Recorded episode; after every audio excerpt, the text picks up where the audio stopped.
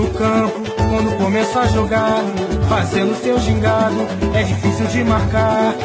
Fita pra ali, fita pra lá, fita pra cá, com a bola nos pés, ninguém consegue. Ele sabe fintar. Fita pra ali, fita pra lá, fita pra cá, com a bola nos pés, ninguém consegue lhe. Velkommen til Brasserbold. Det meste af Danmark er stadig på sommerferie, men hos os er den overstået, og vi er nu i gang med et sprit ny udgave af Brasserbold. Vi indrømmer gerne, at fodbold i Brasilien aldrig står stille, hvilket I forhåbentlig hørte, da Peter på bedste Tour de france manér stak af fra feltet og tog et solorit over Tourmalet.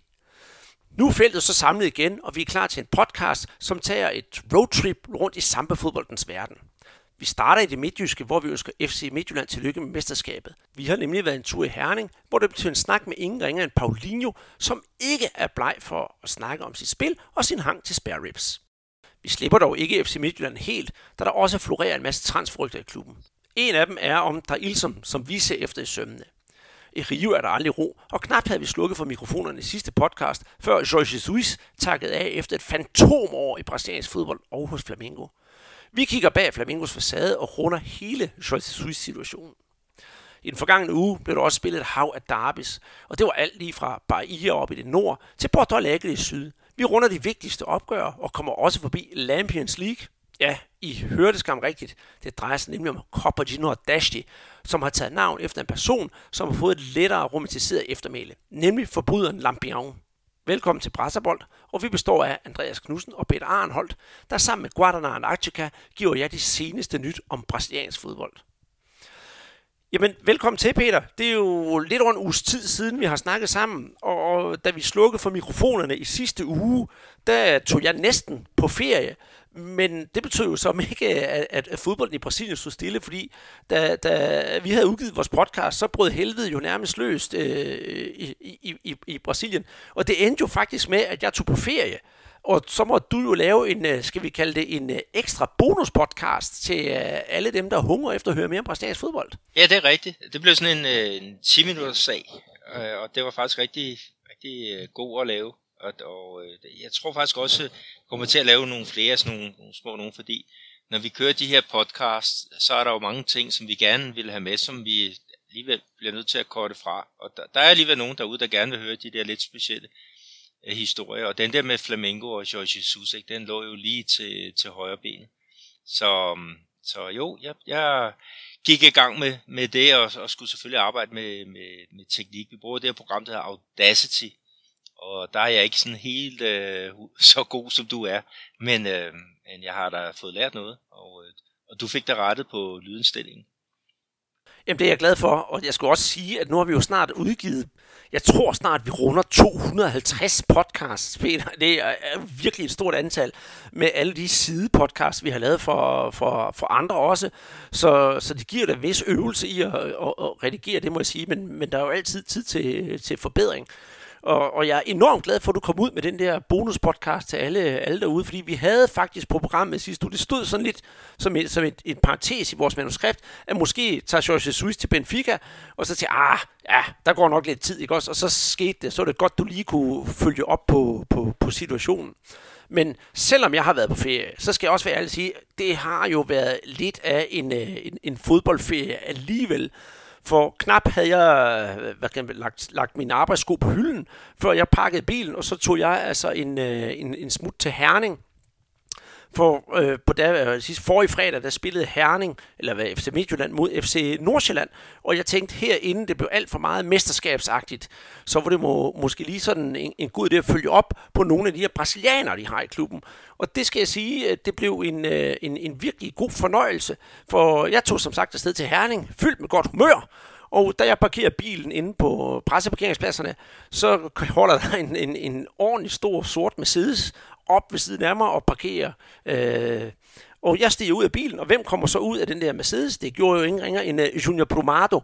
Så ude på parkeringspladsen, der øh, vekslede Junior Promado, og jeg lige et par gode ord, og sagde Junior, er du her i dag, Andreas, for at se det her? Ja, jamen, det er jeg. Og ej, det er tillykke med, øh, med, med succesen i Silkeborg, for det har han jo trods alt haft i, i Silkeborg, selvom de, de rykkede ned. Og han takkede mange gange og sagde, nu skal vi nok få, få snakket på et eller andet givet tidspunkt. Og mens vi stod og snakkede, så kom Paulinho kørende. Og så gik snakken jo også hurtigt med, med, med Paulinho om, om løst og fast. Og så kom jeg selvfølgelig ind og så kampen, og fik, øh, fik lige vækstet et par ord med, med Evander, da, da han går ud fra, fra banen. Og så efter det, så havde jeg fornøjelsen af at lige lave et uh, interview med, med Paulinho, som, som kom ned. Og det kommer jeg så til at høre senere, hvor han snakker lidt om sin, uh, sin tid i, i FC Midtjylland. Og, og jeg har også nogle gode spørgsmål til ham netop, at, at hvorfor han er blevet den spiller, den han er, og hvorfor han er vokset så meget. Og det skal I glæde jer til at, til at, til at høre derude. Og jeg tror ikke, det er det sidste, Peter, vi kommer til at høre for de der øh, brasilianske øh, midtjyder. For efter jeg havde slukket med mikrofonen for, for Paulinho, så, så begyndte jeg også at snakke om alle mulige andre ting. Og det er virkelig nogle søde mennesker at have fat i, de der tre brasilianere. Der er smil og glade dage, så det var en kæmpe, kæmpe fornøjelse at være på, på stadion i Herning. Og så vil jeg også give en ros til FC Midtjylland, at øh, når man kommer, så bliver man behandlet rigtig, rigtig pænt. Det skal de altså også have en ros for, der er rigtig godt øh, tilrettelagt for pressen. Ja, du får jo adgang til de, de gode steder, og det er jo, det er jo herligt. Øh, og du fik jo også sendt et par, par tweets øh, derfra, således at vi, ja, det er jo godt, når vi, vi er på, på stadion, ikke? Og, og du kan jo sproget, du kan jo snakke med dem øh, øh, direkte.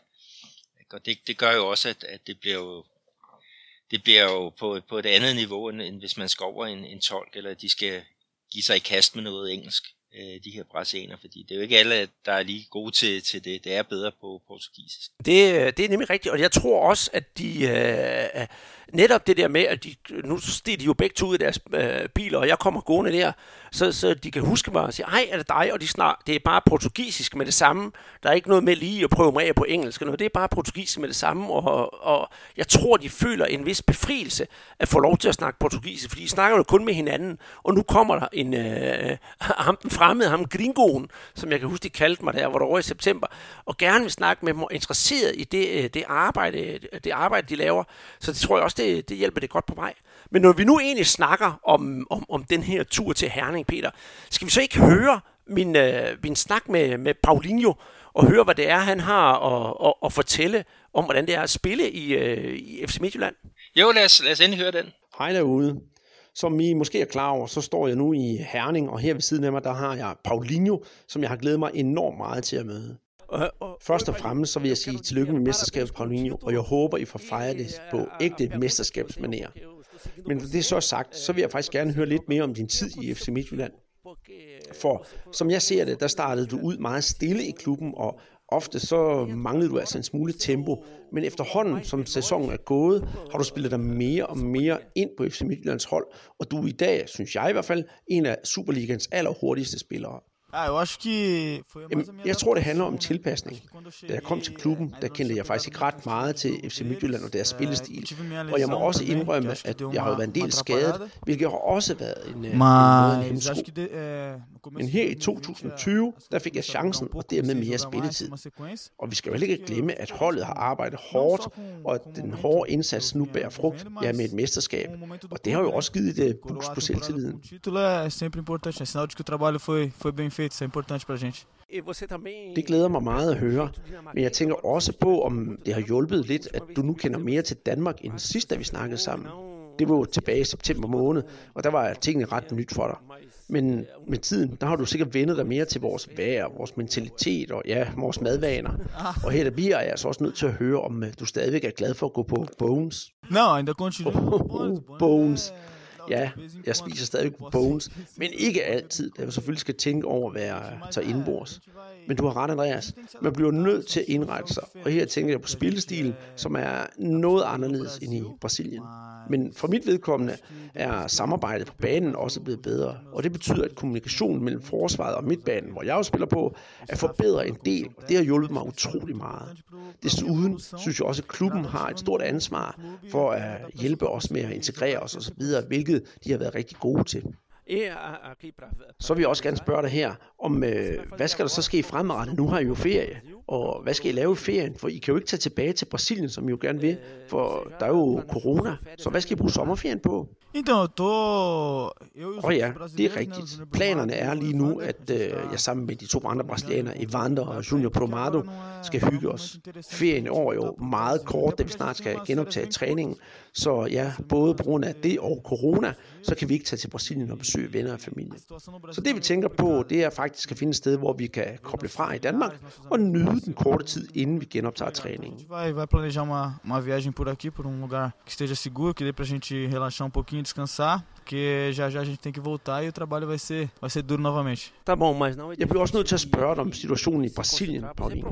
Jeg er selvfølgelig klar over, at man som fodboldspiller skal være professionel på banen, men er det ikke svært at spille fodbold og kunne koncentrere sig, når der snakkes så meget om uh, corona i Brasilien? É, a gente fica preocupado. Situationen i Brasilien er noget, der påvirker os alle, og vi skal jo forholde os til det hver evig eneste dag, fra vi vågner til vi går i seng. Men det er nu ikke en ting, som skal påvirke vores arbejdsindsats på banen. Så der bliver vi altså nødt til at yde vores bedste. Men vi håber da alle, at situationen snart er tilbage ved det gamle, og indtil da giver vi alle en ekstra skalle for klubben på banen. Aqui, a gente tem nosso, nossos deveres aqui e a gente tem que cumprir da melhor maneira. Der grande Tak fordi jeg måtte snakke med dig, Paulinho, og jeg håber snart, vi ses igen, når I skal spille Champions League, og du skal stå over for, ja, Rodrigo og Vinicius Junior. Liga dos Campeões. Ah, eu espero, vai ser um enorme prazer. A gente tem Det glæder jeg mig til. Jamen, tak skal du have, Andreas. Og jeg glæder mig til den kommende sæson, hvor det hårde arbejde, vi har i gang med nu, som også har givet gevinst, kan bære endnu mere frugt. Og det er simpelthen det hele værd. Det er altid en fornøjelse at snakke med jer på Brasebold. Vi sales ved. E é sempre um prazer falar contigo, valeu? Yes, det var så Paulinho. Øh, og jeg synes, han havde rigtig meget godt at, at, at, at byde ind med. Jeg ved, ikke, øh, jeg ved, du er enig, Peter, fordi lige så snart jeg havde snakket med ham og havde fået lagt det ned på en mp3-fil, så sendte jeg den jo til dig, så du, øh, du har altså været forberedt, så det er ikke første gang, du hører den her nu. Nej, det, det er det ikke. Det er også altså, fedt fint også det der med, at de, skal, de holder noget ferie sammen, ikke? fordi det er jo, det er umuligt at, at tage til Brasilien i øjeblikket med det, alt det her corona, øh, som, som lægger en masse begrænsninger. Ikke? Øh, men, men så var det også det, det andet, ikke? Der, var, der var meget sjovt. Det, det var faktisk dig, der tog det op, det med, med Bones. Men, men du må jo lige fortælle, hvad er det her Bones øh, egentlig for noget? ja, altså, det, det, det er faktisk gået hen og blevet sådan en, øh, øh, jeg vil ikke kalde det en stående joke, for det er det ikke, men en sjov historie. For da, da jeg var over at besøge dem her i, i, i september, så snakkede de om, hvordan det var, når de her brasilianere kom til. Og så kom det jo sådan, at øh, åbenbart Bones, det er vist en af FC Midtjyllands sponsorer, så nogle gange så kommer de ned på, på Bones og skal nu at spise, og der skulle Paulinho efter sine gå fuldstændig amok, og det er noget af det bedste, han overhovedet ved, at komme på Bones og spise sig mæt i, øh, i spare ribs. Så der er mange, der refererer til, at han har hang til at spise på Bones, og det gjorde han jo så også i det her interview, øh, i det her interview og han griner også selv af det, og I får også forklaring, at den går altså bare ikke, det skal kombineres med noget andet mad, fordi hvis man sidder og spiser den hele tiden, så er det måske umuligt at, at, at, at drive eller spille fodbold på, på så højt niveau. Men noget andet, jeg synes, der var interessant, og det kom jo faktisk, da, da mikrofonerne var slukket, og det har måske ikke så meget med, med, med fodbolden at gøre, for jeg piller lidt i det ved at spørge ham, jamen, øh, hvordan kan man opretholde professionalismen, øh, når der er så meget corona i, i, i, i Brasilien?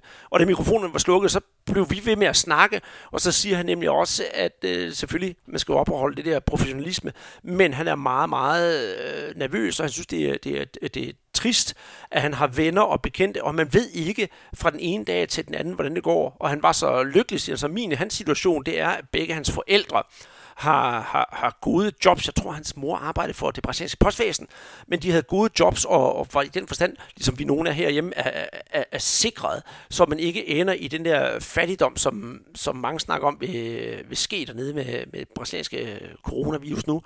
Så det gik relativt godt, men han var virkelig nervøs og ked af det på sine venners og bekendtes vegne, som han kendte til, som havde det knap så godt. Så øh, udover at snakke ren fodbold med Paulinho og få et smil, fordi han skulle på Bones og så videre, så videre, så synes jeg, at han var super at, at have en samtale med, fordi han havde virkelig noget dybde, og havde også nogle, nogle, nogle syn på, på forskellige ting, som ikke bare handlede om det spil på banen. Nej, det, det er det gode ved at, at, at få den på, på tomandshånd. Mm-hmm. Helt bestemt. Og jeg regner også med, at øh, det var ikke længe, så tror, så tror jeg nok, jeg skal øh, rykke teltplælen op her fra Randers, og så tage en, en tur til Herning igen. For hvis der kommer noget Champions League-kval eller sådan noget, så tror jeg nok også, jeg kommer til at, at skulle have en snak med, med øh, et par af de unge spillere der.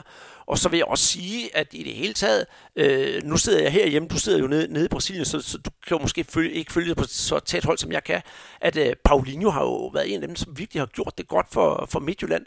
Og Brumado øh, har jo også fuldt, det var synd, han ikke fik det der gennembrud i, i, i, hos, hos FCM, men han har jo faktisk gjort det ok i, i Silkeborg, og jeg håber, at vi kommer til at se ham meget mere her i den, øh, i den kommende sæson.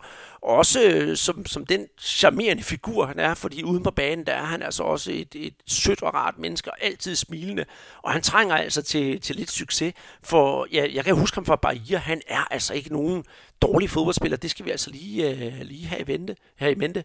Og nu vi snakker lidt om det her, Peter, så var jeg jo også inde at se kampen. Det, det var jo en målrig affære mod, øh, mod Nordsjælland. Ni mål. Øh, og en af dem, jeg kiggede rigtig efter, det var selvfølgelig Evander som, som var på banen. Og jeg lagde mærke til, og det synes jeg noget, som har været godt ved øh, Evander og hans tid her i FC Midtjylland, at han momentvis virkelig viser noget, noget kvalitet. Og jeg har sjældent set en, en spiller i den danske Superliga, som har så giftige, indadskruede hjørnespark, som, øh, som Evander har, og de sidder der rigtig godt, næsten alle sammen. Så det er virkelig en af hans forser. Og, og netop Evander, han har jo været lidt i vælten her på det sidste, fordi øh, den gode Morten Brun har jo lige skrevet en artikel om øh, Evander og hans øh, tid i, i Midtjylland, om at han ikke øh, rigtig har stået til på det niveau. Men jeg synes faktisk, han har gjort det okay. Det er heller ikke nemt at være Evander, når man har det skilt på ryggen og være nummer 10 og have det navn, man kommer til fra Brasilien, og så skulle præstere på, på topniveau hele tiden.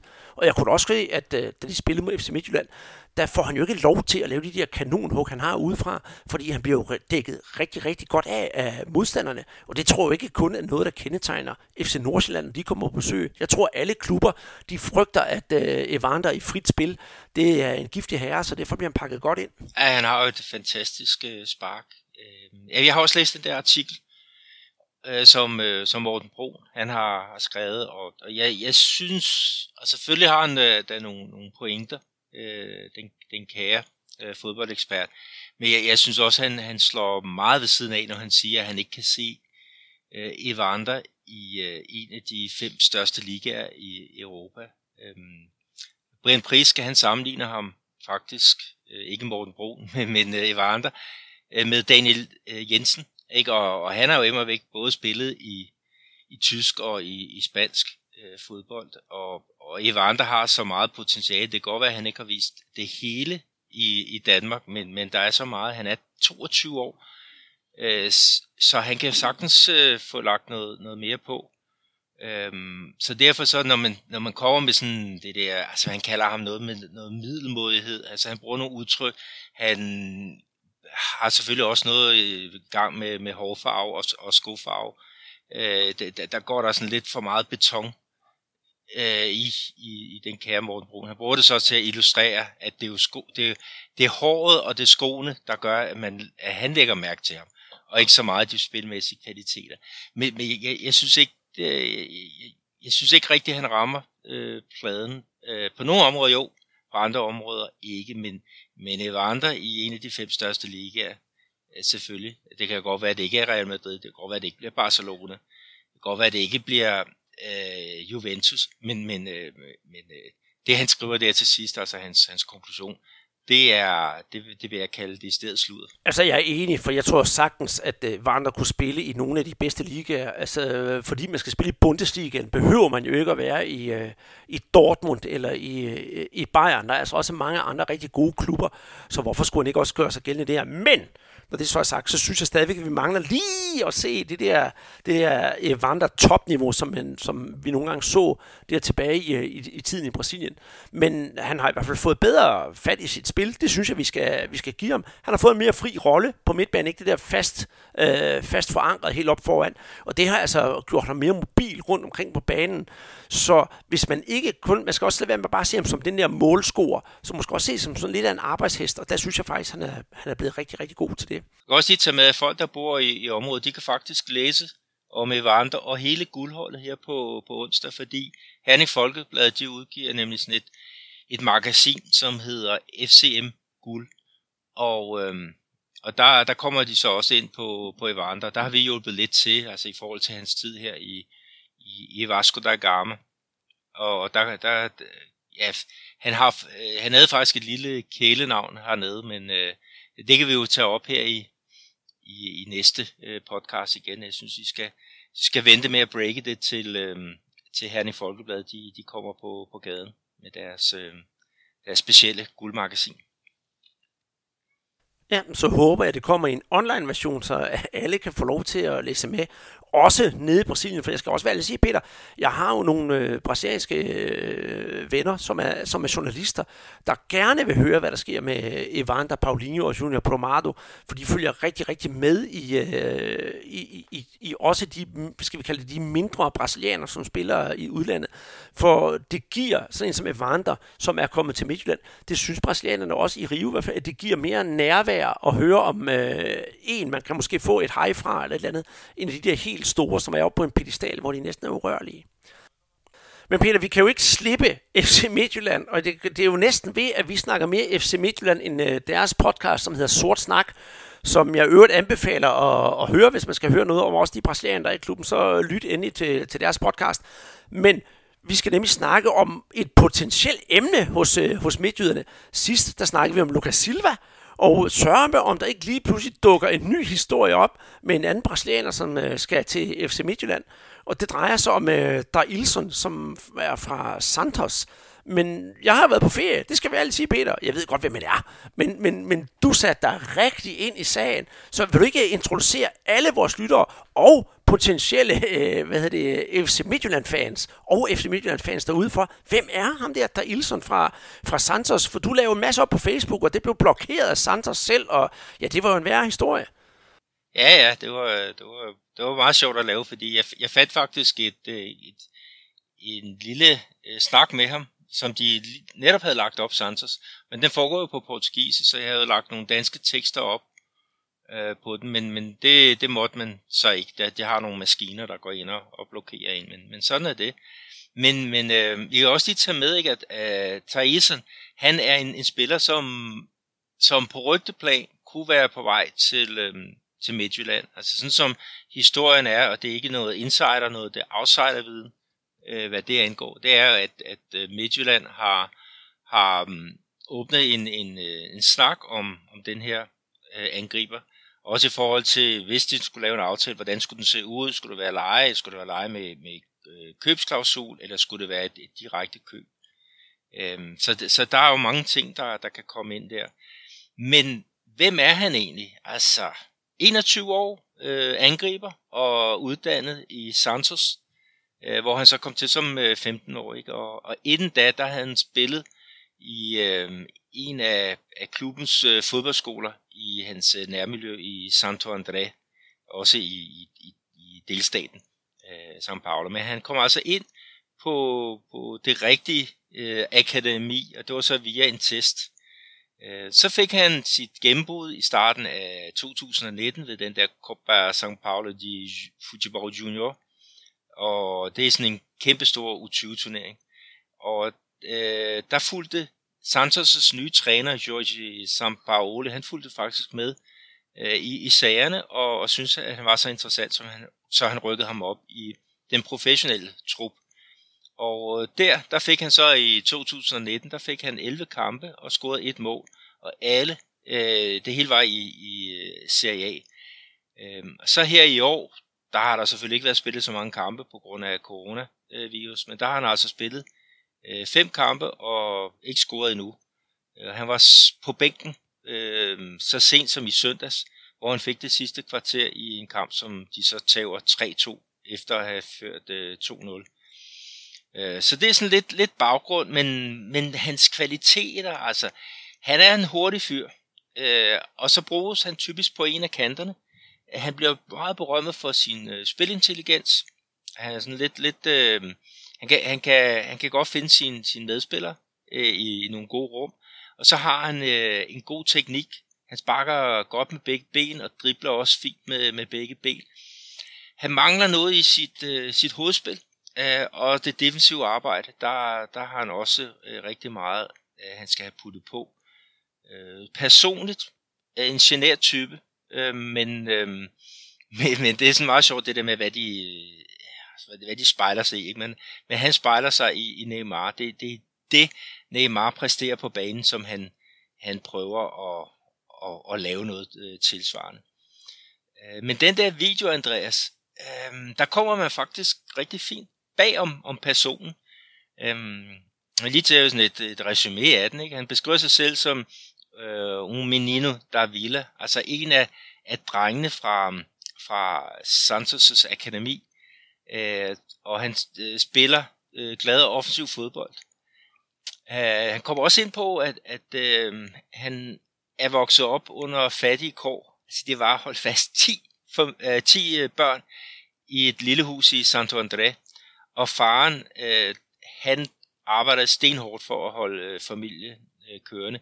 Det gjorde moren også, øh, selvfølgelig for at holde hus, men hun prøvede også at få noget arbejde, men, men det lykkedes ikke rigtigt. Øh, så, så de havde ikke så meget at rute med. Og den her situation, den gjorde faktisk, at Thaelsen, han som ret ung, bestemte sig for at faktisk sagde det højt, at jeg vil hjælpe familien til et bedre liv. Og det skete så øh, via fodbolden. Øhm, så kan jeg jo så også sige, at da han så kom til Santos, det er igen noget her fra, fra videoen, der blev han meget ansporet af, at, at ungdomsholdene trænede meget tæt op af det professionelle hold.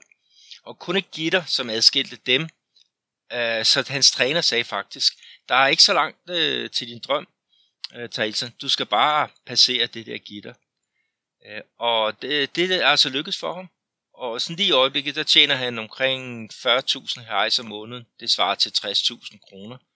Øh, og han har en, en øh, frikøbsklausul på, på 100 millioner euros. Og det er han altså ikke værd, men det er jo, det er jo sådan, man, man øh, arbejder med tingene hernede, med, med de her kæmpe øh, beløb, således man har kontrol på spillerne.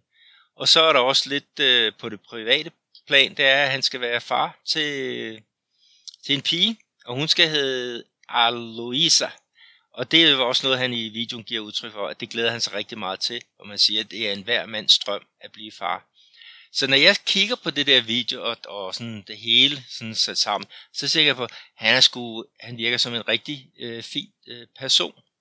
Øhm, at han så ikke har slået igennem i, i Santos her og nu, og han måske skal prøve øh, et, et andet sted, det ved vi jo så ikke endnu, fordi at, at øh, når man er på bænken, øh, så sent som i, i søndag, så kan han ikke være så langt øh, fra igen. Øh, så, så jeg er meget spændt på, om der kommer noget ud af, af det. Øh, men, men alt er muligt, og øh, øh, han, han virker så om, han har hovedet og, og hjertet placeret på det på rette sted.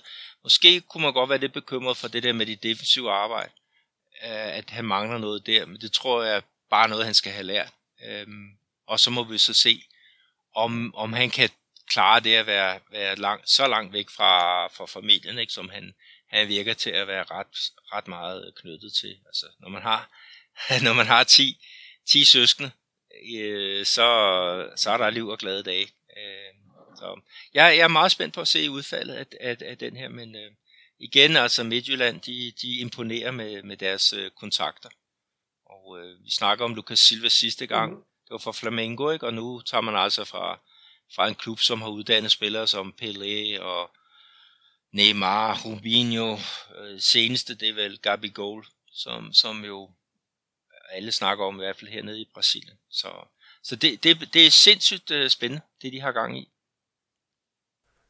Det er det, og, og, og for at sådan lige få, få, få fakta på plads, Peter, du nævnte lidt om det, det er, at øh, hvad de brasilianske medier siger, det er, at FC Midtjylland har kontaktet, øh, hvad hedder det, øh, har kontaktet Santos og vil gerne have fat i ham, om det skulle være som et køb eller et, øh, et lån. Og nu skulle det altså kun være op til Santos og selvfølgelig øh, Drilsen selv, om der skal gives grøn lys. Så øh, fra FC Midtjyllands side, så skulle den altså være, være, være, være sendt ud. Og det er, hvad vi jo, det, det, er, jo, det, er, jo, det er jo, hvad vi ved at få ud fra, fra, fra brasilianske medier. Og jeg synes altså også, det er spændende, at man, man virkelig, øh, en klub som Midtjylland, tager på, tager på fangst, kan vi sige, nede i, øh, nede i Brasilien. Og så bruger jeg ordet fangst, fordi øh, Santos-spillerne bliver jo kaldt for fiskene. Men øh, ja, jeg glæder mig til at se, og hvis han kommer, så kunne det jo også godt være, at øh, min bil den, øh, kan finde autopiloten og så tage til, til Herning endnu en gang. Det vil i hvert fald glæde mig at få en, øh, få en snak, med, snak med ham. Men nu, Peter, nu er det vist på tide, at øh, vi lukker lidt ned for, for transferrygterne. Bortset fra et enkelt, for øh, vi skal jo heller ikke glemme, at der her lige sidste par dage er lige dukket noget op af den gamle, kan man sige, god gamle, så gamle er han jo ikke, men øh, første gang vi nogensinde var ude af huset her på vores øh, podcast, der øh, tog jeg en tur til Skive, hvor jeg snakkede med Lukas Meyer og øh, Vinicius, øh, Dom Vinicius, Dominik Vinicius, som han jo hedder, og fik en hurtig snak med dem, og vi blev rigtig gode venner med, med mange af Vejle-fansene dernede. Nu går øh, rygterne jo åbenbart om, at han øh, måske skal tilbage til Vejle. Han blev solgt til Kina efter, øh, efter turen i Vejle for en øh, frygtelig masse penge, og det kan jeg jo godt forstå, at han, blev, han, han gjorde, fordi Vejle de havde jo brug for pengene. Men nu er der nogen, der snakker om, at han er på vej tilbage. Vejle kan ikke betale ham selvfølgelig den høje løn, han får i Kina, men han skulle selv have en interesse for at, at vende tilbage til, til Nørreskoven. Så hvis der også kommer mere brasserbold dernede, jamen øh, hvor ender vi så ikke henne med alle, det her, alle de her brasilianere, der kommer til at spille i den, øh, i den danske liga, Peter?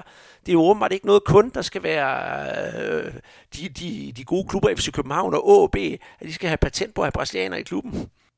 Nej, men det er jo også det er jo et, et kæmpe land hernede, ikke? og der er jo masser af, af fodboldspillere, men det er jo også lige det her med at få taklet, øhm, ja, få overblik over, hvad der går af, af spillere, og så få lavet nogle aftaler, som, som er, er gode for, ja, set med, med danske briller, ikke? Men, men, men selvfølgelig også med de brasilianske.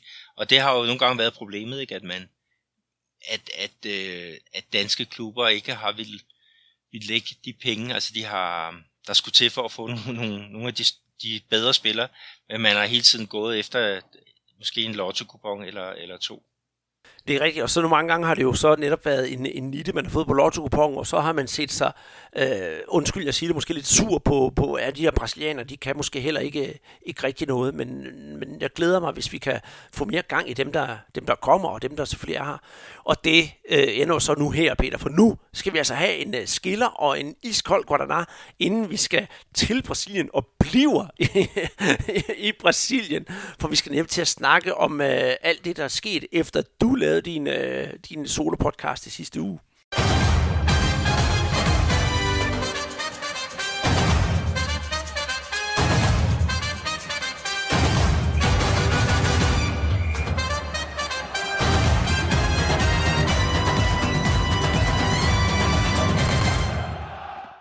En skiller, og vi har indtil videre med lidt afbrydelse en halv time. Så har vi tanket op i, i Guadana. Jeg har selv været ude og købe halvanden liters udgaven. Den findes stadigvæk rundt omkring i supermarkederne. Så gå ud og kig. Som, som sagt bor jeg i Randers, og der kan man godt finde den. Og jeg har fundet den i Frederikshavn, jeg har fundet den i Skagen, og jeg fandt den sgu også i Sæby, så jeg kan sige, op i det nordjyske, der vælter man sig i dejlig Guadana, så det er bare ud og, ud og, ud og købe. Men Peter, vi skal jo faktisk øh, starte vores rejse her efter pausen øh, med en, en, en god strandtur til Rio, kan man vel sige. Ja, det skal vi, i hvert fald fordi, at, at øh, vi har fandme snakket meget om, om, øh, om Flamengo, men, men det er jo med, med god grund, det er den dominerende øh, klub hernede, ikke? Og, og der er jo også, altså de fylder rigtig meget hernede i, i medierne, ikke? Og, og den her øh, nyhed, der blev sprængt, eller hvad det hedder, i, hvad var det, sidste fredag med, at, at øh, Jorge Jesus, han, han stopper i, i Flamengo og tager til, til Benfica. Der kom der jo også det der med, jamen, hvem pokker skal, skal afløse øh, den her person, ikke? 13 måneder i spidsen for Flamengo, og ja, hvad er det, fem, øh, fem øh, pokaler, seks, hvis man, hvis man øh, deler biomesterskabet op i, i to. Men, men det er jo igen det der, Andreas, altså, um, du har jo i den grad føling med, med den her klub. Hvad, hvad, hvad gør de? Hvad, hvad laver de nu her? Altså, hvordan har de grebet den her situation an med, at nu skal de finde en afløser for ja, klubbens måske allerstørste succestræner? Jamen, det er, jo, det er jo det, der er et kæmpe, kæmpe problem. For hvad, øh, Peter, du har jo alderen til at kunne huske Woodstock-festivalen. Det, har, det skal jeg være ærlig at sige. Jeg har det ikke. Men hvad er det eneste, man husker? Ah, der er måske flere ting, man husker fra Woodstock-festivalen. Men det er ligesom om, vi har det her Woodstock-festival, og så sætter vi, øh, kører vi det hele i stilling, og så kulminerer det, da Jimi Hendrix han kommer på scenen. og så står man, sådan har Flamingo det garanteret nu, fordi så går han af. Og hvem skal man sætte på bagefter? lidt ligesom vi også kom med en anden musiksamling, sige Band Aid i 1980'erne, så havde du Queen på. Hvem skulle følge op på, når nu det bedste havde været der? Øh, så det er altså et, øh, et, et stort problem, fordi Jesus Jesus, han har været populær på alle punkter. Den mand, han, bortset fra til at starte med, det har vi også diskuteret i podcasten, så har han ikke sat et, øh, et, et ben forkert, og han har kun lagt på i sin, øh, sin popularitet.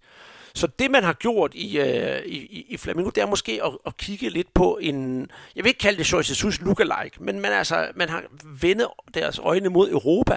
Det første, man selvfølgelig snakker om, det var, at man skulle have Renato Gaucho ned for Gremio, men, men den holder nok ikke, for der bliver Renato Gaucho nok, indtil han forhåbentlig, selvfølgelig sin egen udsagn, bliver landstræner, men lad, det tager vi til den tid. Men man har kigget mod Europa, og der har man kigget på flere forskellige, og den, der er favorit lige nu, fordi Flamingo skulle efter sine allerede være i forhandlinger med ham, det er øh, Dominik Torrent. Torrent. Jeg ved ikke faktisk ikke rigtig, hvad han hedder på, på, på spansk, men han er altså fra Spanien. Og han er simpelthen øh, Pep Guardiolas højre hånd fra, fra øh, Guardiolas tid i, hvad hedder det, i, da han, da han havde sin klub i England og også noget, noget tid i Spanien. Han er åbenbart selv rykket til USA og har en øh, træner en klub derovre. Men ham er de enormt meget øh, interesseret i, også fordi øh, han har det der pep øh, Guardiola-DNA, og det tror jeg godt Flamingo de kunne tænke sig at blive sådan lidt mere europæiske på, lad mig nu sige det rigtigt, på den, på den fede måde, fordi de vil jo heller ikke opgive det, det brasilianske. Og hvis det ikke er ham, de får, jamen så tror jeg, at de kigger efter en, der hedder Carlos Carvalho, som er sådan lidt en samme øh, type som, som Jorge Jesus, også en, øh, en, øh, en brasiliansk øh, træner, som også kender en del til mandskabsbehandling. Han har tidligere været i Brasilien, hvor, eller rykket til Brasilien, hvor han skulle til Red Bull Bragantino. Men øh, det er jo det. Udover det, så snakker man om tidligere Monaco-træner, og øh, en outsider, så skulle det være Marcus Silva, som har trænet i øh, Hull City og, og Everton. Men øh, lad det nu ligge. Jeg tror på, at de får fat i Dominic Torrent, som er netop som er Guardiolas højre hånd. Og det glæder jeg mig til at se. Og så kan man så også stille sig spørgsmålet, hvorfor rejser Joyce Jesus væk fra, fra Flamingo. Og det er der mange af os, der er kede af, det er jeg også. Og selvom øh, rygterne gik, da vi lavede sidste podcast, Peter, så, så, så lå det måske også sådan lidt, fordi hvis vi ser på Joyce Jesus arbejde i Flamingo, bortset fra som sagt de første kampe, så har han ikke sat et ben forkert. Han har han, han kan simpelthen ikke opnå mere for brasiliansk fodbold og i Flamengo. Ja, vil jeg jo selvfølgelig sige, at du kan altid vinde VM for klubhold, men der er så en lang vej dertil. Han har vundet alle pokaler, der har været. Og så er der jo selvfølgelig det der med, at han er portugiser og corona. Jeg tror, at corona har noget at sige, for hans hele hans familie er jo i Portugal, og det har altså været sådan lidt svært at komme frem og tilbage og, og, og, og besøge dem. Så jeg tror også, at han har et ønske om at komme tilbage og være sammen med sin, øh, sin familie. Og så er der selvfølgelig hans øh, hjerteklub, Benfica, som han måske kan prøve at gøre det samme med, som han gjorde med Flamengo. En masse talent, øh, og gode spillere, hvis han kan føre dem op til et kæmpestort resultat og få dem med i øh, Champions League og være blandt Europas bedste klubber igen, så øh, har han jo et nyt projekt, han skal gå i gang med. Han skulle ikke bare viderebygge på noget, som han skulle fortsætte med i Flamengo. Og så, ja, sidst og ikke mindst, så tror jeg også, at lønningsposen i Benfica måske er en lille smule højere end i Flamengo. Ja, det bliver spændende at, at, at se, hvad der, hvad der sker. Men, men øh, også, altså lige en, en lille ting. Øh, Jorge Jesus, han er faktisk øh, sportingmand. Han, er, han er, øh, holder med, med løverne. Og han blev også sådan modtaget lidt lunken, øh, da han kom tilbage til, til Lissabon. Øh, og det er rigtigt, han har arbejdet i, i Benfica øh, før. Øh, så, så han har selvfølgelig en, en, en fin fin kontakt med, med dem. Men, men så kommer så også det næste, ikke? altså hvad kommer det til at betyde øhm, med alt hans, hans viden om, om brasiliansk fodbold? Hvordan vil det komme Benfica til, til gode? Og, og der er jo nogle rygter om, at, at de, ja, det, der er nærmest ikke en eneste spiller, som ikke er blevet linket i øjeblikket til, øh, til Benfica. Øh, Bruno Henrique øh, og Gerson, øh, der skulle ligge bud på den på i alt 40 millioner euro, hvad jeg kunne læse. Ikke? Og, og det gør jo et eller andet sted også, at folk de bliver jo lidt, altså de bliver forarvet over, at de tilbyder så lidt. det er så det ene. Øh, og det andet, det er jo også det der med, at øh, når han var så glad for sin tid i Flamengo, hvorfor vil han så gøre øh, det her for at, at, at, at ødelægge den klub, som han, han kommer fra? Så, så jeg, jeg tror ikke, han, han bliver så forhærlet her om, om et års tid, hvis det lykkes for dem at få nogle af de her profiler. Men, øh, men, men det må vi se. Altså spillerne i Flamengo, de er i hvert fald meget øh, ops på, at det bliver en i samme type, øh, der spiller noget offensiv fodbold, noget, noget meget simpelt og seværdigt øh, øh, spil, hvor, hvor at, at, øh, at der er, er flow i spillet, og man, man søger de offensive øh, løsninger. Høj baklinje, hvad, hvad der ikke ses så tit hernede i, i Brasilien, men altså øh, så meget som overhovedet muligt. Ikke? Og det er derfor også, når, når du snakker om, om Pep Guardiolas øh, højre hold, øh, ja, så, øhm, så, så, så ved jeg ikke, hvordan spillerne vil, vil hvordan de vil takle det, om det vil blive for, for taktisk. Øh, og det, der fandt øh, Jesus det synlædende den, den rigtige balance. Men det bliver sindssygt spændende for der, Søren da. Og jeg tror også, der er mange klubber hernede i Brasilien, som, som føler sig overhalet af dem fra, fra Rio, men de synes, nu kan de jo i hvert fald måske komme op på siden af dem igen. Øh, så så det må vi jo se, hvad, hvad der sker. Mm, og vi skal nok følge op på det, fordi ligesom også øh, du siger med de her spillere, der er rygtet til Benfica nu, øh, jeg vil også lige, selvom jeg følger rigtig meget med, så vil jeg også gerne bare lige stikke en finger i jorden, fordi til sidst så ender det jo mange gange med, at, at tingene alligevel flasker sig på sådan nogenlunde måde, og jeg tror heller ikke, at Flamingo de begynder nu at sælge ud af nogle af de der profiler, de virkelig har i, i klubben, selvfølgelig med mindre der kommer det, det rigtige beløb, og det snakker du også om, at, at, at det man skammer man sig lidt over, eller det undrer man sig over i Brasilien, hvorfor det ikke er blevet tilbudt højere, men uh, lad det nu ligge. Andreas, er jo en lille, en lille ting, det er jo også det der med, at det virker, som om, at ledelsen er blevet taget på sengen, at uh, Jorge Jesus han valgte at, at rejse. Øhm, nu er der selvfølgelig noget corona, der har været ind over, men at de første i øjeblikket er taget på en tur til Europa for at snakke med kandidater, det, det synes jeg virker som om, at det, det er lige, lige sent nok. Øh, efter VM, øh, der, der snakker man om, at man skulle have forlænget hans kontrakt. Jeg tror, den udløb i marts eller, eller april måned. Så, så hvis man havde, havde forventet, at han ville sige farvel, så havde man i hvert fald også lavet noget, noget bedre forarbejde. De, de, de virker som om, de har, har luttet sig selv lidt i søvn og troet, at, at Jesus han bare ville, ville køre videre, uanset hvad. Ikke? godt, og det kommer den, det bliver lidt ris til egen røv i øjeblikket. Øh, skal vi forlade alle de klubber nu, der starter med F, øh, for at snakke om, om nogle klassikos, og så kommer vi alligevel ind på et par klubber, der starter med F, blandt andet Fortaleza. Men øh, det jeg mener, vi ligger Flamingo og, hvad hedder det, øh, og FC Midtjylland i graven for den her podcast. Vi skal nemlig til at snakke om de her klassikos, Peter, som er blevet spillet i den, i den sidste uges tid. Og lad os da starte i uh, São Paulo, det plejer vi ikke. Så lad os komme straks til, til São Paulo, hvor de er gået i gang med at spille igen efter 128 dages pause. Ja, det, ja, det er rigtigt. Der var jo David Paulista, som var det, der skulle ligesom genoptage det hele. Ikke? Og det er jo Corinthians og Palmeiras, øh, to af de, de helt store klubber, øh, som, som støder sammen der. De, de hader hinanden som, som pesten og, og vi, øh, der kunne jo ikke komme tilskuere ind på, på øh, Corinthians hjemmebane, men der kom alligevel nogle, nogle fans ind i løbet af, af natten, og de fik, øh, ja, de er så i grønne trøjer, så det var Palmeiras fans, og de fik øh, sat deres mærke. Øhm, på stolperne, der havde de skrevet øh, Casio Franco, øh, det er sådan en slags øh, dropul. Øh, Casio, det er jo deres, deres målmand.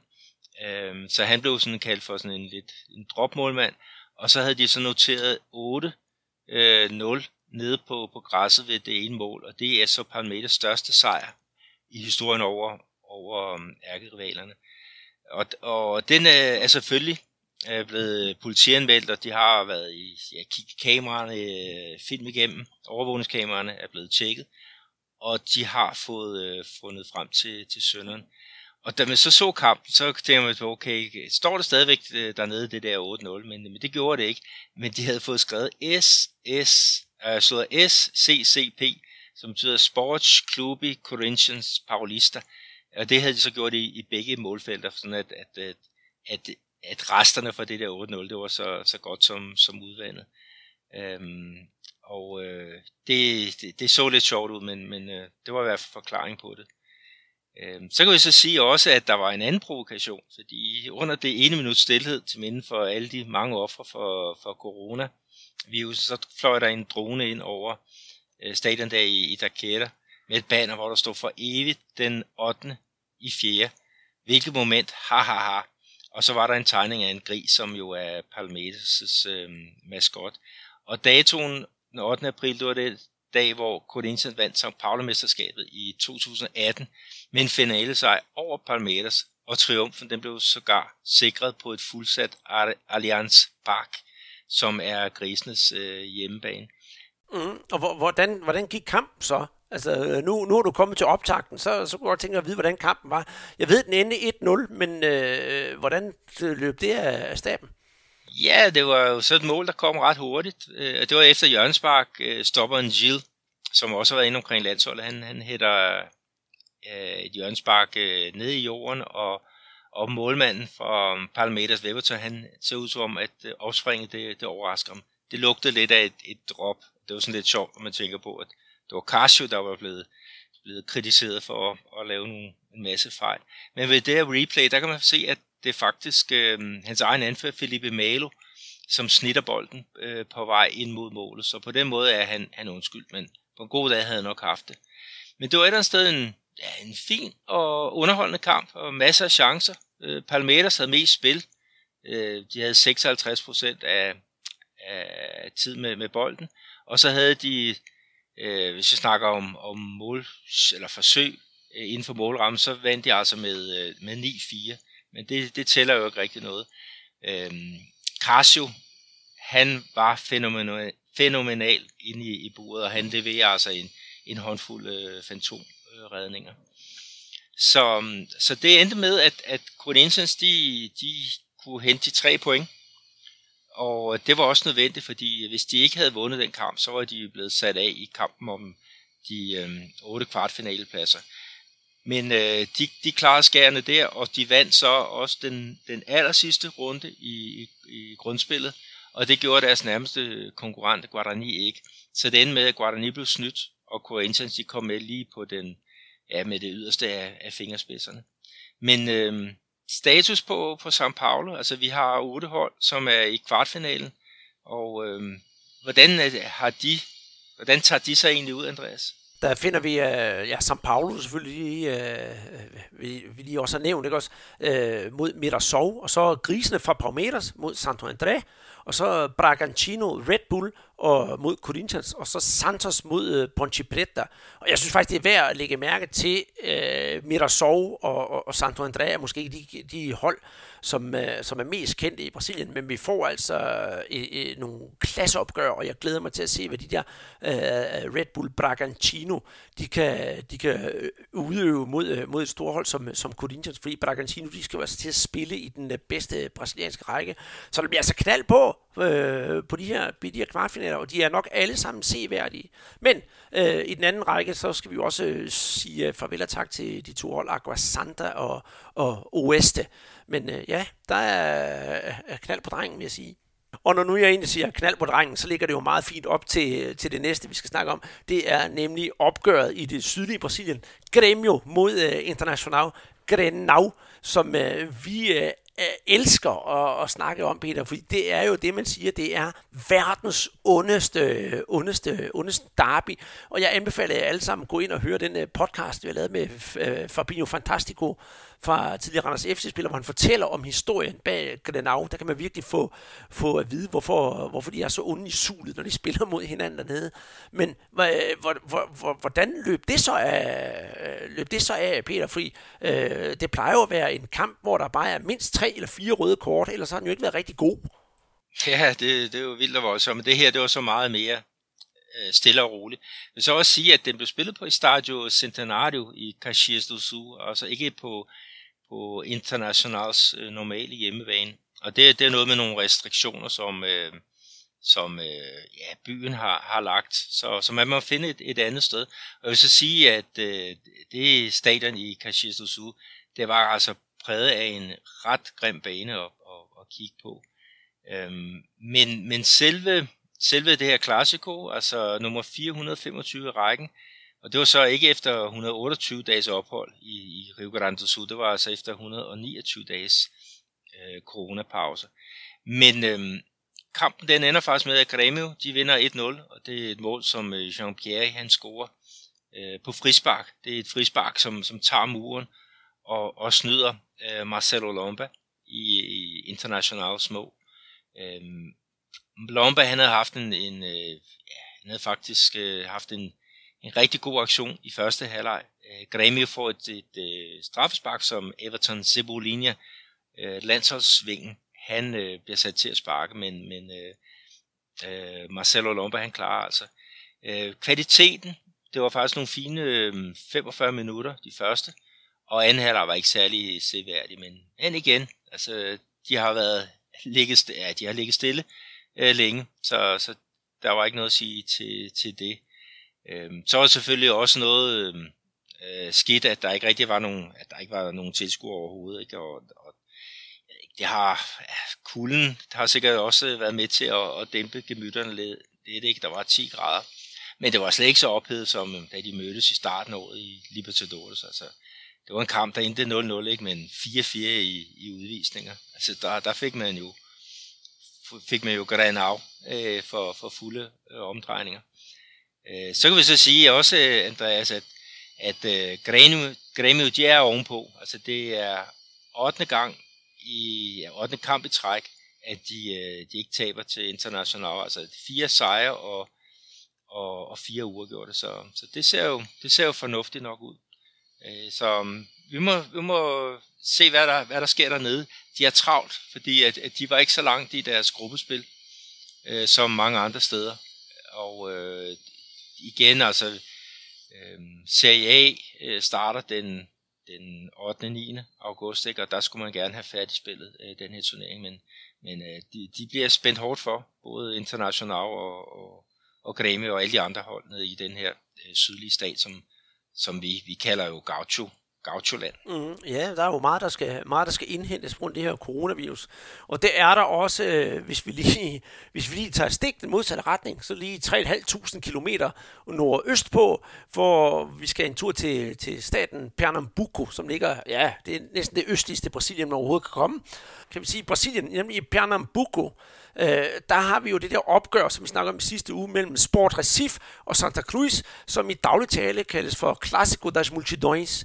Og i sidste podcast, Peter, der lagde jeg simpelthen et skrækscenarie op, at uh, Sport Recif, de kunne simpelthen ikke, uh, hvis de satte point til i, uh, den her, i det her derby, så kunne det jo gå hverken værre eller bedre, at de skulle til at spille nedrykningsopgør, så frem nogle af de andre hold også spillede osv. videre, Det hele skulle flaske sig. Og det viste sig jo rent faktisk, at mit skrækscenarie, det holdt desværre for Sport Recif, det holdt stik. Ja, det er rigtigt, fordi at Santa Cruz, de vandt nemlig kampen med, med 2-1. Det var to mål af, af Pipico, altså 35-årig topscorer. Og så Sport, de fik, øhm, øh, de fik også gået en gang med Hernani, som også blev kaldt for, for bordet. Uh, og det, det var også en, en fyr, som du i hvert fald kender til øh, fra hans tid i, i Flamengo. Det er det, fordi tilbage i 2013-2014 sæson, der var han simpelthen brandvarm øh, øh, angriber hos øh, Flamingo og bankede den ene kasse ind efter den anden. Og han var endda øh, på snak til at skulle på det brasilianske landshold. Men øh, desværre for Hernani Brocador, så øh, tror jeg, han simpelthen gik efter pengene. Og så nu tog han en tur til Saudi-Arabien og spillede fodbold der. Og siden, øh, det kan godt være, at løn gik op, men øh, niveauet, han har præsteret, det er desværre sådan øh, gået lidt øh, nedad. Men øh, Øh, nu har han øh, fået sådan lidt et, et revival i, øh, i Sport Recif, og man må håbe, at han kan finde fordomstiders øh, angrebstalent, så, han ikke, øh, så det ikke ender med, at han skal med Sport Recif helt ned i, i dønnet, og måske også til at kæmpe om ikke at rykke ud af den bedste øh, brasilianske række. Men, øh, men, men sådan er det. Øh, måske Sport Recif skal til at spille øh, nedrykning, øh, men hvordan øh, ender det så med, at øh, det der øh, slutspil i, i, i Pernambuco, det kommer til at se ud, fordi øh, både Central og Fogados, de, øh, de klarede jo skærne. Ja, det, det er rigtigt. Altså, jeg vil lige sige det, at, at øh, uh, Central og Fogados, de vandt begge uh, deres kampe, og det gjorde så, at de overhalede uh, Sport Recife og sendte CA-klubben ned i det her uh, nedrykningsspil, ikke? Og Øh, der har jo så været en, en, en kvartfinale øh, nu og her, ikke? Og, og vi er så faktisk nået helt frem til, til semifinalen. Og der er det således, at Santa Cruz, øh, de skal spille mod Nautico, og det er jo så to af de helt store hold i, i øh, byen, Recife, ikke? hvor sport er det, det tredje hold. Og Santa og Nautico, de ligger faktisk helt nede i, ja, skandaløst nede i CAC, mens øh, sport, de, de rykkede op sidste år i Serie A. Og i den anden semifinal, der er så Salguero, mod Afogados. Øhm, det er så to af de mindre klubber i, i området. Afogados, det betyder, at de druknede, og de, øhm, øh, det, er jo, det er fordi byen ligger lige op og ned af en, en, øh, en, en, en flod, hvor der gik den der historie om et, et, et, et kærestepar, tror jeg det var, som, øh, som valgte at, at prøve at krydse floden, og så de ja, det gik ikke godt, så de, de druknede. Øh, så, så det er altså det, det navn, som den by har, har fået. Og de leverede tidligere i år en pokalsensation, da de slog Atletico Mineiro øh, ud i, øh, jeg tror faktisk, det var den, ja, en af de første runder i, i den her kæmpe øh, turnering i, i Brasilien. Jeg kan sige, jeg, jeg så her i, i går, øh, vi optager jo mandag, ikke? der så jeg kvartfinalen mellem Afogados, de druknede, så Retro, altså Retro-klubben øh, og det var faktisk en rigtig fin øh, underholdende kamp, og det blev så de druknede, der, der kom ovenpå det og, og, og kvalificerede sig. Men, men øh, øh, det er også spændende at se det der klub, den der klub Retro, de ligger i, i CD, øh, men, men øh, har en god struktur. De er relativt nye. Jeg tror kun, de har fem år på banen, og de, lig, banen, de ligger i serie D, men, men siger fem år, så skal vi altså være i den næstbedste række. Og, og det så ikke helt skævt ud, det, det jeg så. Øhm, og der var mange, der snakker om, at deres bedste spiller, de kunne sagtens spille for Santa Cruz øh, eller Nautico. Det, jamen det, det bliver spændende, og jeg har, jeg skal være ærlig sige, Peter, at jeg har ikke haft fornøjelsen at se den kamp, du havde set, men det lyder i hvert fald øh, enormt underholdende. Øh, hjemme hos dig i, øh, i, i Minas Gerais, i, i Belo Horizonte, der har jo også været det, der hedder Classico, øh, da America øh, min, øh, Mineiro mødte Atletico Mineiro. Og ja, er det, er det rart, at du sidder nu i en by, hvor fodbolden er kommet i gang igen? Ja, det, det er da rart, men man øh, kan se, der er lidt mere liv i, i gaderne, ikke? men igen, det, det er uden tilskuer. Men der var i hvert fald, øh, øh, altså fansene, de møder jo op uden for stadion og, og, og hylder deres, deres helte. Øh, så, så, så jo, spillerne føler i hvert fald, at supporterne de er der, ikke? Og, og man har også lavet det der med på selve skærmen, øh, som jeg også har set i Danmark, og der kan man se supporterne sidde hjemme i deres stue øh, og, og, og følge med. Ikke? Så, så det, det er noget, I må kende fra, fra Danmark. Men, men altså selve kampen her, det vil sige, den endte 1-1. Øh, Nathan, som øh, tidligere spillede i Chelsea, ved ikke, om der er nogen, der kan, kan huske ham, han var i hvert fald, øh, han, han var i hvert fald købt af, af London-klubben i, i en periode. Han bringer Atletico foran, øh, men så um, Amerikas var igen med den unge Vitton, øh, angriberen, som kommer ind og, og banker øh, bolden i, i kassen. Øh, jeg snakker om, det var tom stadion, ikke? og det kan jeg sige næsten tom, fordi hjemmeholdets øh, maskot, den kanin, den var der, og, og kameraerne øh, viste blandt andet nogle billeder fra Arena Independencia, hvor kaninen sidder med en grill og ristede gulerødder og, og, og drak, øh, drak øh, kolde. Ja, måske Guadalajara, det ved, det ved man jo ikke. Men, men det er igen også det der med Amerika. Det er sådan en familieklub, øh, det er en kanin, som altid uddeler krammer, jeg siger, og aldrig lammer, øh, når man er på stadion, ikke? Og hvorimod de andre klubbers maskotter godt kan virke lidt mere krigeriske, øh, øh, selvom de er gode ved børn og alt det andet. Men, men det, var alligevel, øh, det var alligevel meget sjovt at, at se. Mm, det lyder da også, øh, det lyder også rigtig spændende, og det er en god, øh, altså god indgangsvinkel, det der med, hvis man kan lave den til dansk og sige, øh, aldrig lammer, altid krammer. Det kunne være, du skulle lave sådan en rim, eller et bogstavrim med minder om der så prøve at få det implementeret øh, hos, øh, hos brasilianerne. Generelt i, øh, blandt brasilianske fans, det kunne da være ret en, en, interessant. Nu har vi jo så øh, hjemme hos dig, der har vi jo Atletico Mineiro, og der er Jorge Sampaoli jo blevet træner, og han er jo kendt for at være lidt, øh, lidt, lidt anderledes på den fede måde, det kan vi roligt sige. Øh, for hans tid Santos, som har blandt andet cyklet, til, cyklet på arbejde, det er jo sjældent, man ser det i, øh, i, i, i Brasilien. Så jeg tror, det bliver rigtig spændende at kunne følge ham, hvad, hvad, hvad han kan gøre for klubben, fordi vi skal jo huske, det er jo altså en kæmpe, kæmpe klub, Atletico Mineiro, vi har med at, med at gøre her. Fordi øh, du kan jo huske tilbage dengang i 2013, da de har vundet Copa Libertadores, for der var jo den der gode historie med, med, med Jo og Ronaldinho, især Ronaldinho, med hans øh, sko. Skal vi ikke lige have den en gang til?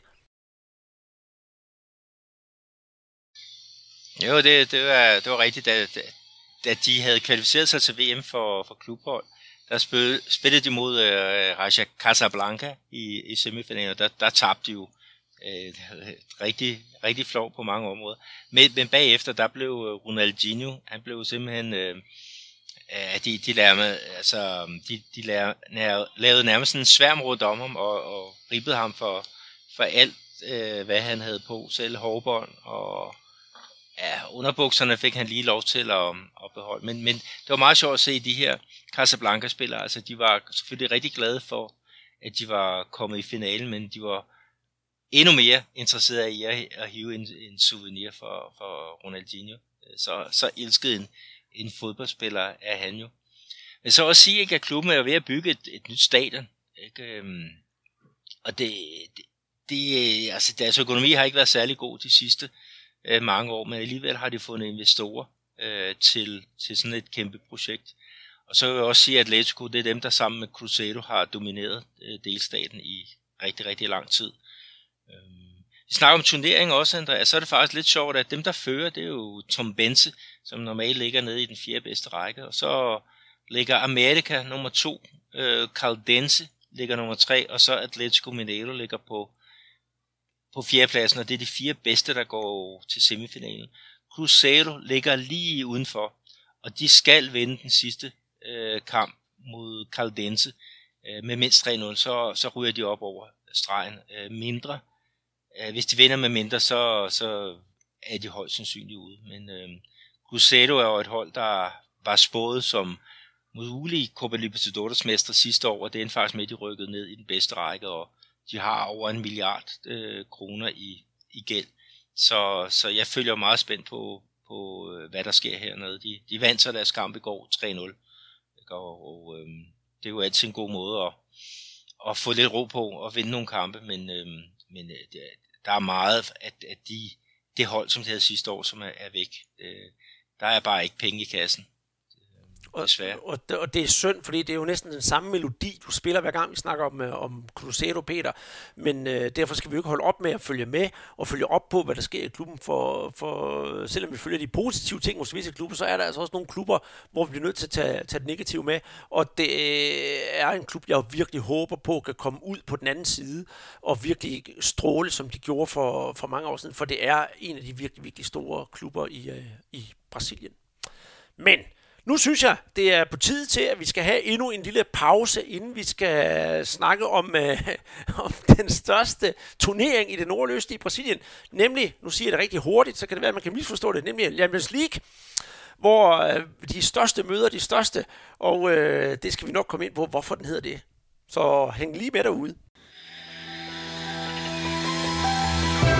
Guaraná Antártica. De Maués para as suas mãos.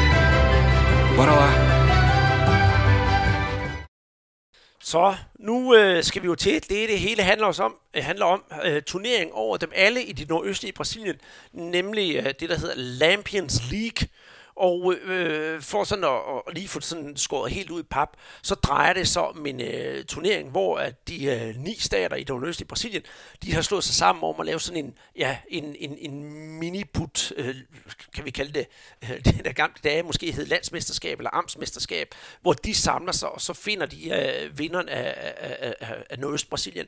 Og det er altså ikke øh, hvilke som helst klubber, vi har med at, med at gøre det op, for vi er nemlig nået til hold nu godt fast, øh, kvartfinalerne de er blevet afviklet, og øh, der har Fortaleza og Sport Recife, de har mødt hinanden, og så har Ceará og Vitória, Confianza har mødt Santa Cruz, og vi har Bahia og øh, Botafogo. Og hvis vi skal runde det her af sådan relativt hurtigt med resultaterne, så har det altså været det, vi kan kalde en øh, stor sejr til klubberne op fra Becharterland, nemlig staten Ceará, hvor både Fortaleza og Ceará er gået videre til semifinalen og skal møde hinanden, og det bliver rigtig, rigtig spændende. Og det betyder altså også, at vi har haft en evig nedtur øh, for Sport Recife, som vi snakkede om tidligere i de regionale mesterskaber, at de måtte altså øh, lide nederlagets gang endnu en gang øh, her i den her øh, kvartfinale i, i, i uh, Lampions League. Og i og med, at øh, Fortaleza og Serra, de er altså kommet så godt videre i det her, det har virkelig været noget, der har kunne høres på jungletrummerne op i Nordøst-Brasilien. Øh, og nu går rygterne om, om det er Serra, der er den nye dominerende stat, hvad nordøst-brasiliansk fodbold det, det, det angår. For tidligere, det har, øh, kan man sige, rivaliseringer med at være det bedste stået mellem Bahia og, øh, og, og, og Pernam, Pernambuco. Men Peter, vi skal også have ind på det rene her. Hvad er det øh, årsagen til, at øh, turneringen den hedder, til, hedder, hedder Lampions League, fordi nu har vi gået og gjort, grin lidt med, gjort lidt grin med det, men det drejer sig om, at man oppe i Nordøstbrasilien har øh, utrolig mange traditioner, der er bundet øh, af, hvad der er sket igennem tiden. Og øh, en af de øh, store personligheder, som øh, har eksisteret oppe i Nordøstbrasilien, han hed øh, Lampion, og det betyder faktisk en, en, en, en, en lille, en lille tallygt, eller lommelygte, flagermuselygt, eller sådan noget den stil. Og han var for 100 år siden, øh, en, øh, vi kan roligt kalde det en, øh, en landevejsrytter, som øh, drog fra by til by og røvede byerne, voldtog kvinderne og slog mændene ihjel. Men desværre så øh, er det som med så mange andre, at han har fået sådan et lidt romantiseret øh, eftermæle. Så derfor er for eksempel den her turnering opkaldt, øh, opkaldt efter ham. Og der er mange, der, der i dag ser ham mere som en slags øh, Robin Hood, end den øh, forbryder, han, øh, han nu engang var. Men øh, ja, turneringen den har altså været afbrudt på grund af corona, og øh, nu er man altså tilbage i, øh, i, i fulde, øh, for, for, for, for fulde gardiner. Og som sagt, Fortaleza og Serra i den ene semifinal, og Confianza og Bahia i den anden semifinale. Og jeg glæder mig altså til at til at følge med her, hvad det her ender med, og hvem der skal løfte det trofæ, som, øh, som hedder Asa Branca, som er opkaldt efter en meget, meget berømt folkesang fra det nordøstlige Brasilien. Ja, det, det bliver spændende at følge afslutningen her. Vi kan så også lige tage med, at vi, vi havde også en danskervinkel på det. Fordi at, at øh, uh, Vittoria, som kommer fra, stat, kom fra staten Bahia, de har jo en, en, øh, en racer med, med dansker forsider. Det er jo så Felipe Garcia, uh, som var i Næstved i, i tre år, tror jeg det var, den der omkring. Uh, men, men de blev altså slået ud i kvartfinalen af, af, af CRA. Men altså, spændende semifinaler, altså der, der er tre hold fra, fra Serie A, ikke? og så er der konfiancer fra, fra Serie B. Det, det tyder jo også på noget, øh, noget, øh, noget kvalitet øh, i, i den her turnering. Også at de selvfølgelig giver den noget, øh, øh noget opmærksomhed.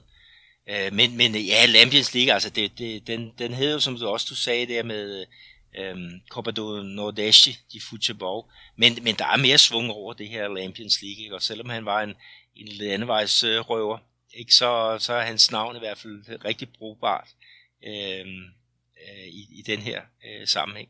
Så, så det, det, det er jo rigtig fint. Men så kan vi også lige tage med, Andreas, at den, den fik jo, øh, den blev, altså de sidste kampe her, de blev faktisk spillet i Bahia, og det er jo på grund af, af coronasituationen. Så man, man valgte, da man skulle genoptage den, og sige, at vi, der er 16 hold, vi rykker alle alle klubber til, øh, til Bahia og spiller på, jeg tror det er seks forskellige stadions. Øh, så vi slipper for alt det der rejsen øh, frem og t- tilbage. Og det er med, der var faktisk to hold, der, der trak sig. Et fra øh, Sergipe og et andet et fra, fra Maranhão. Så, så der, der er så 14 øh, tilbage. Ikke? Og, og, øh, og de har jo så, så spillet øh, der, og, og de har været transmitteret på, Ja, nogle af dem har været transmitteret på øh, hvad hedder Fox Sport, så, så det er jo også en, det viser jo også, at der er noget, der er noget power i, i den her turnering, ikke? hvor jeg siger, at det er jo de, de er klubberne i, i det, ja, den mellemste Brasilien og nede sydpå, ikke? Som, som er meget dominerende, så, så, så det er jo en god måde for dem at få noget, noget opmærksomhed omkring fodbolden i, i det nord- nordøstlige Brasilien.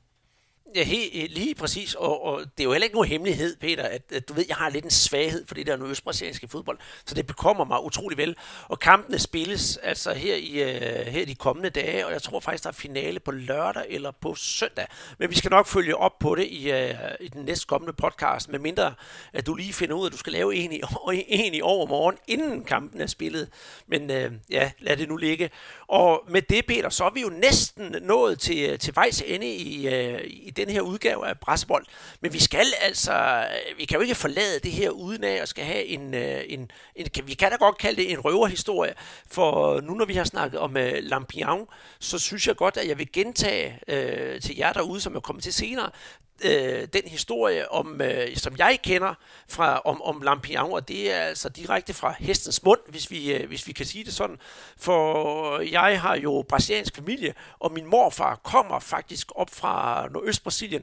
og tro det eller være, Peter, han kommer faktisk fra byen Afogados da Inquisera, så det kan jo ikke blive mere nordøst-brasiliansk. Og da han var en, øh, en lille dreng, han har været en 6-7 år, så gik der jo rygt om, at Lampion og Maria Bonita, det hed konen, de var på øh, togt i, øh, nær hans, øh, hans by der i Afrogados, og øh, man evakuerede simpelthen hele byen, at øh, kvinder og børn, de blev sat ud i en lade, og der skulle de altså lige sidde fuldstændig stille og vente på, at de her øh, landevejsrøvere, de kom forbi, mens mændene, de havde armeret sig til tænderne ind i byen og var, var, var klar til kamp.